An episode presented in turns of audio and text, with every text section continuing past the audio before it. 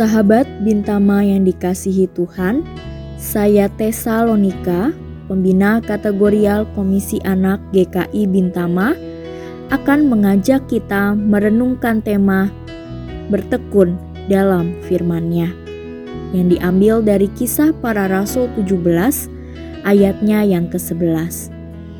Orang-orang Yahudi di kota itu lebih baik hatinya daripada orang-orang Yahudi di Tesalonika, karena mereka menerima firman itu dengan segala kerelaan hati, dan setiap hari mereka menyelidiki kitab suci untuk mengetahui apakah semuanya itu benar demikian. Sepenggal ayat yang menjadi dasar perenungan saat ini berbicara bagaimana perjalanan Paulus dan Silas dalam memberitakan Injil.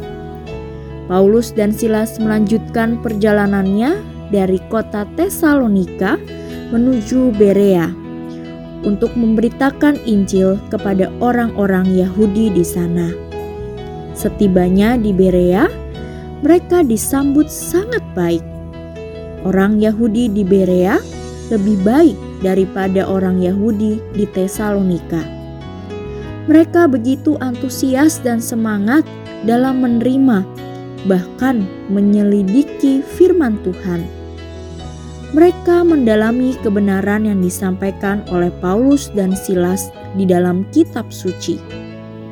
Antusiasme dan semangat inilah membuat iman mereka bertumbuh. Bahkan bukan hanya kalangan orang Yahudi saja yang percaya, tetapi juga orang Yunani. Sahabat Bintama, sebagai anak-anak Allah, kita sungguh menyadari bahwa kita telah menerima firman-Nya. Namun, apakah banyak di antara kita sudah meluangkan waktu untuk membaca dan mendalami firman Tuhan setiap hari? Atau hanya di saat-saat tertentu saja, seperti ibadah minggu seperti layaknya seorang murid yang belajar di sekolah. Ia tidak hanya mendengar penjelasan guru saja, melainkan ia perlu mempelajari kembali, membaca, dan mendalami ilmu yang dipelajari agar ilmu tersebut semakin dapat dimengerti, bahkan dipraktikkan dalam kehidupan sehari-hari.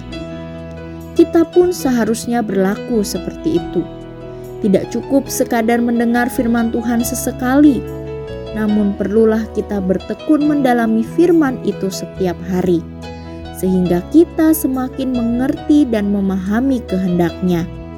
Bahkan, kita akan mampu mempraktikkan firman itu dalam kehidupan yang kita jalani.